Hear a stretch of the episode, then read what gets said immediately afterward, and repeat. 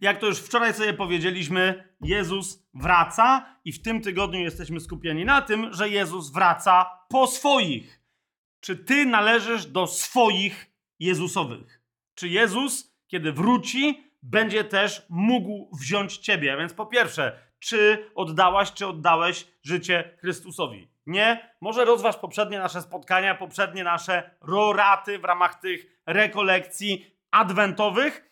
Czy oddając mu życie, czy wyznajesz go jako swojego jedynego Pana? Czy on naprawdę zasiada na tronie Twojego serca? To są, to są wszystko tematy fundamentalne i podstawowe. Ale nawet jeżeli tak jest, to czy będąc już biblijnie wierzącą chrześcijanką i chrześcijaninem, czy jesteś uczennicą, czy jesteś uczniem Chrystusa, który zdaje sobie sprawę z tego, że aby być pochwyconym, aby kiedy Jezus wróci po swoich, być wziętym, potrzebujesz zachować postawę czujności, o której wczoraj wspomnieliśmy.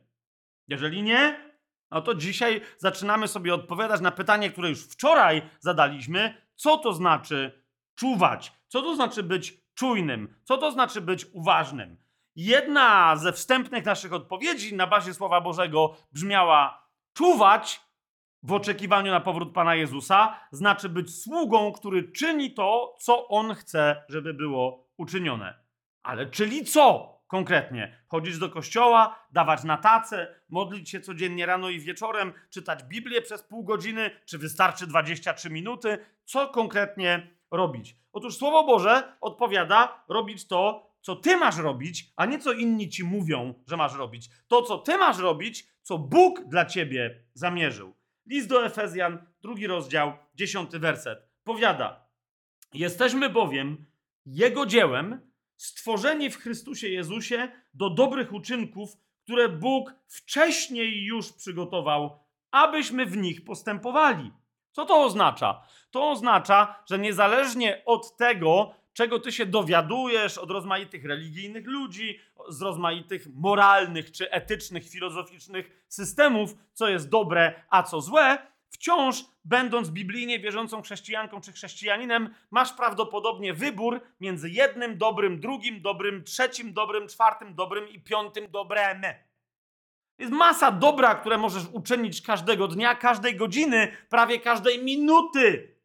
I teraz jest pytanie, które dobro masz wybrać? My bardzo często, ze względu na to, że chrześcijaństwo w różnych swoich odmianach się potwornie zreligijniło, Zazwyczaj robimy to, co nam mówi aktualna, religijna twarz tego chrześcijaństwa, z którym się związaliśmy. Co należy robić? To, co robią wszyscy w tego typu okolicznościach. Na przykład jest niedziela do południa, no to pewnie trzeba iść na nabożeństwo. Na przykład masz chwilę wolnego w powszedni dzień rano, no to prawdopodobnie twoim obowiązkiem jest czytać Biblię i tak dalej, i tak dalej, i tak dalej. Czy to jest złe? Nie. Pytanie tylko brzmi, czy to jest coś, co dla ciebie danego dnia, danej godziny i danej minuty zamierzył Bóg. Czy to jest coś, do czego On cię wzywa? Widzisz, jeżeli twoje rozważanie yy, ma charakter, czy to jest dobre, czy to jest złe, a potem patrzysz na rzeczy dobre i mówisz, no okej, okay, to jest dobre, ale ludzie w moim zborze, w moim zgromadzeniu, w mojej religii, w mojej teologii mówią, że to jest lepsze od tamtego, wówczas nie słuchasz Boga. Rozumiesz? Bóg mógłby nie istnieć. Słuchasz systemu i etyki, i moralności, przykazań tego systemu. Zauważ, Bóg może nie istnieć. Potem my wszyscy jako chrześcijanie strasznie chcemy mieć osobistą relację. Abba, tatusiu, Jezus jest Panem. Jeżeli Jezus jest Panem, to twoje serce wie, co jest dobre, ale tylko On wie w danym momencie, jako twój Pan, co dla ciebie jest życiodajne. I za każdym razem, kiedy na tajemnym planie ale też u innych nauczycieli, ewangelistów i tak dalej słyszysz o tym, żeby przestać wreszcie jeść z drzewa poznania dobra i zła, bo ono przynosi tylko trujące owoce, a zacząć z powrotem jeść, bo możemy, będąc zbawieni, usprawiedliwieni przez śmierć i zmartwychwstanie Chrystusa, żeby z powrotem zacząć jeść z drzewa życia, to właśnie to oznacza. Nie, że ty możesz robić co chcesz. Nie. Masz czynić dobro, ale jakie? Takie, które w Twoim przypadku dla Ciebie jest życiodajne i przez Ciebie jest życiodajne dla innych. Jeszcze raz zważ drugi rozdział listu do Efezjan, dziesiąty werset. Jesteśmy bowiem Jego dziełem. Do czego stworzeni w Chrystusie Jezusie? Słowo Boże nam odpowiada, stworzeni w Chrystusie Jezusie do dobrych uczynków, ale jakich? Które Bóg już z góry przygotował, wcześniej, nawet zanim byliśmy zbawieni, nawet zanim do tego zbawienia na krzyżu doszło. To był, to, rozumiesz, on miał plan dla Twojego, dla mojego życia, pewien zamysł co do naszych możliwości, kompetencji, darów, które w nas złoży. A więc jesteśmy stworzeni do takich dobrych uczynków, które On, Bóg Ojciec, wcześniej już przygotował, abyśmy my w nich postępowali. I teraz powiesz, no dobrze, no i tu się właśnie zaczyna zagadka, bo ja nie wiem, co ja mam robić. Otóż dzisiaj, my w ciągu tego tygodnia, podczas kolejnych rorad, jutro, pojutrze i tak dalej, będziemy sobie z samego rana mówić, podawać konkretne przykłady, co to może być, jakie to mogą być dobre uczynki w Twoim życiu, jaki mogą mieć charakter. Ale dzisiaj podam Ci jedną zasadę, która zawsze będzie związana z Twoimi dobrymi uczynkami. Otóż, żeby się jej przyjrzeć, potrzebujemy jeszcze jednego biblijnego tekstu. Potrzebujemy sobie mianowicie otworzyć dzieje apostolskie, 20 rozdział. To jest rozdział, w którym Paweł, e, on ma w Biblii parę takich swoich wypowiedzi tyczących się końca jego życia. Ale to jest jedno z takich spotkań, to jest jego spotkanie w Milecie ze starszymi z Efezu, których wzywa, ponieważ jest przekonany, że już więcej nigdy w życiu się z nimi nie zobaczy. A więc przemawia do nich, żegnając się z nimi, ale zostawiając, jak sądzi, najistotniejsze myśli, jakie tylko może im zostawić. I o czym im mówi? Dokładnie o tym, że trzeba czekać na Pana Jezusa. Czy mówi o czekaniu na Pana Jezusa? Nie, ponieważ jak wszyscy chrześcijanie, on wie i oni wiedzą, że czekanie na Jezusa to jest czuwanie. Więc on im mówi, czuwajcie, ale następnie wyjaśnia, czym jest czuwanie. Co znaczy czuwać? Robić to, co Pan nam nakazał, być dobrym Jego sługą. To znaczy pełnić Jego wolę, to znaczy żyć swoim osobistym powołaniem. Ale na czym ono zawsze polega? Każdym przypadku, nieważne, ty jesteś inna, ty jesteś inny, ja jestem jeszcze inniejszy, ale chodzi mi o to, że wciąż nasze osobiste powołania mają pewną cechę wspólną. W momencie, kiedy ty sobie odpowiesz na to pytanie, co w moim życiu ma tę cechę, wtedy bardzo łatwo będzie ci znaleźć twoje osobiste powołanie. Otóż Paweł w 20 rozdziale dziejów apostolskich do starszych z Efezu od 31 wersetu mówi tak. Dlatego mówi, czuwajcie, pamiętając, że przez trzy lata, we dnie i w nocy, nie przestawałem ze łzami napominać każdego z was. A więc mówi, pamiętajcie o tym, o czym ja wam mówiłem. Teraz nie mam czasu, mam parę zdań na koniec do wypowiedzenia. Więc, ale wiele was uczyłem, wiele, wiele, wiele lat. I jednocześnie widzieliście mnie, widzieliście moje życie, moje zaangażowanie. 32 werset mówi: A teraz, bracia, polecam was Bogu i słowu Jego łaski, które może zbudować was i dać wam dziedzictwo wśród wszystkich, którzy są uświęceni. Nie? Więc mówi, pamiętajcie, bądźcie wierni Słowu Bożemu. W Słowie Bożym są wszystkie odpowiedzi, ale przyjmujcie je w Duchu Świętym i przez Słowo Boże słuchajcie, co Bóg do was mówi codziennie. Ale jeszcze raz, odpowiadajcie na to, co tam słyszycie, co tam wyczytujecie dla siebie swoim codziennym życiem. I teraz Paweł sugeruje tu wyraźnie, jak w wielu innych miejscach, mówi: Popatrzcie na mnie i bierzcie ze mnie przykład. A jaki ja wam dałem przykład? 33 werset i dalej mówi: Nie pożądałem srebra, złota ani niczyjej szaty. Przeciwnie, sami wiecie, że te ręce służyły zaspokajaniu potrzeb moich i tych, którzy cały czas są ze mną, ponieważ Paweł zawsze miał, prawie zawsze, miał ze sobą jakiś zespół apostolski. Tak? I dalej 35 werset mówi: We wszystkim wam pokazałem, że tak pracując musimy wspierać słabych. A więc pierwsza rzecz, którą Paweł pokazał, mówi: Masz wszelkie błogosławieństwo od Boga, ale siostro, bracie, nie siedź na swoich czterech literach, czekając, że Bóg będzie pracować za ciebie.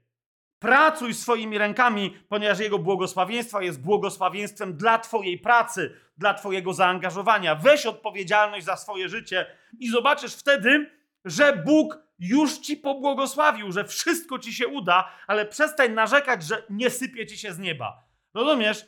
Porusz swoimi rękami, zobacz, jak w tych, w tych rękach i przez te ręce dobro będzie się mnożyć. Więc to jest pierwsze, weź odpowiedzialność za swoje życie. Dwa, jeżeli widzisz dookoła ludzi słabych, nawet wśród wierzących, ale zwłaszcza wśród niewierzących, mówi, to wspieraj ich. Nie narzekaj, że, że zamiast ryby wędkę i tak dalej. Ucz ich, jak się posługiwać wędką, ale jak nie chcą, nadal nie daj im zemrzeć z głodu, ale zajmij się słabymi. Zwłaszcza, że wśród słabych są tacy, jak na przykład naprawdę porzucone wdowy, którymi się nie ma, nikt, yy, nie ma kto zająć, albo na przykład sieroty, które, yy, które też są na różne sposoby porzucone i nie są w stanie się sobą zająć. Więc Paweł mówi: bierzcie odpowiedzialność za swoje życie. Raz, dwa. Yy, wspierajcie słabych i teraz uważaj. Trzy. I to jest, to jest w tym wszystkim naj, najistotniejsze. Pamiętając w tym wszystkim o słowach Pana Jezusa, który powiedział: Bardziej błogosławioną rzeczą jest dawać, aniżeli brać. E, po, po pierwsze, jest to bardzo interesujący fragment, ponieważ Paweł cytuje tu słowo, o którym on wie, o którym wszyscy inni wiedzieli, ale które nie zostało przez Ducha Świętego zapisane ani w Księdze Objawienia przez Jana, ani w Ewangeliach przez żadnego z ewangelistów. Więc to jest jeden z takich fragmentów, kiedy my wiemy, że Jezus coś powiedział, ale ktoś mówi, że on to powiedział, i wszyscy, którzy tego słuchają, też wiedzą, że Jezus to powiedział. Niemniej to nie jest cytat z jakiejś Ewangelii. To jest cytat z samego Pana Jezusa, który znajdziemy tylko w tym fragmencie w dziejach apostolskich. Dwa, tu mamy tłumaczenie, że bardziej błogosławioną rzeczą jest dawać, aniżeli brać. Ale w rzeczywistości to, co Jezus tutaj powiedział, to się posługuje przymiotnikiem greckim makarion, e, to znaczy, że rzeczą znacznie bardziej szczęśliwszą, szczęśliwą, a więc przynoszącą szczęście jest, kiedy się daje, niż kiedy się bierze. A więc temu, kto daje, przynosi szczęście fakt, że on coś daje. Otóż dzisiaj w te poniedziałkowe roraty, siostro i bracie, chcę ci powiedzieć: przyjrzyj się swojemu życiu, weź za nie odpowiedzialność, zobacz, czy wokół są ciebie jacyś słabi, być może w twojej rodzinie, być może w twoim zborze, być może gdzieś, rozumiesz, ktoś, komu trzeba byłoby choćby jednorazowo pomóc, na przykład e, wobec zbliżających się świąt, żeby mu było, było troszkę lepiej, troszkę cieplej, troszkę syciej w te, w te święta. Ale trzecia rzecz, przyjrzyj się sobie co takiego w sobie ty masz, czego inni nie mają, a co mogłoby ich obdarować? To może być wielka rzecz, to może być Twoja wiedza, to mogą być Twoje umiejętności, jakiegoś rodzaju kompetencje, jakiegoś rodzaju posiadanie, którym się możesz podzielić, ale rozumiesz, to może być też drobiazg, z którego Ty sobie nie zdajesz sprawy, a Duch Święty już z dawna Ci pokazuje, że to jest wspaniały dar.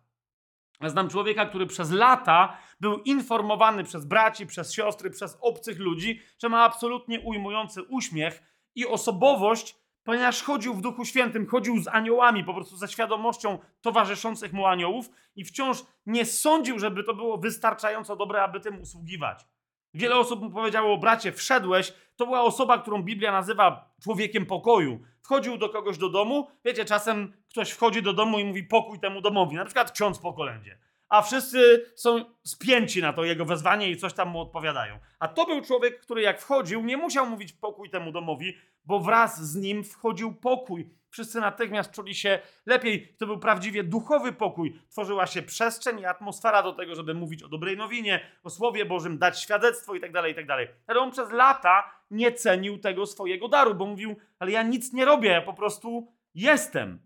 Dopiero w momencie, kiedy mocno został przez Ducha Świętego napomniany, że to jest poważny dar, który otrzymał i bardzo rzadki dar, który otrzymał, wziął za niego odpowiedzialność i zaczął nim usługiwać. Co takiego ty masz w swoim życiu, siostro? Co takiego ty masz w swoim życiu, w sobie, w swoim sercu, bracie, co mogłabyś, co mógłbyś dać komuś innemu?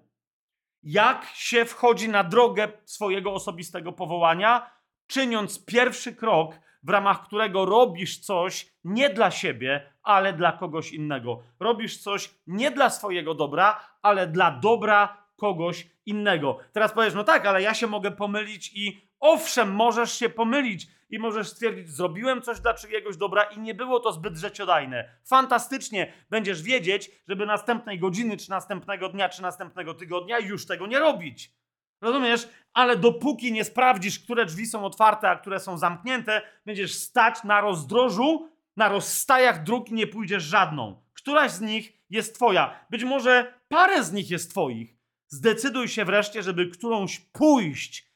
Twoja droga jest drogą służby. Twoja droga jest drogą dawania, ponieważ to jest najważniejszy aspekt czuwania w oczekiwaniu na powrót Pana Jezusa. Jezus wraca, On sam wystarcza. Tylko Tobie, całemu światu. A więc idź i na swój sposób dziel się dobrą nowiną o tym, że tylko Jezus jest Panem z tymi, których On postawi Ci na drodze. Do jutra. Błogosławiony król, który przychodzi w imię Pańskie. Pokój i chwała na wysokościach. Pokój i chwała na wysokościach. Jeśli ci umilkną to kamienie wołać będą.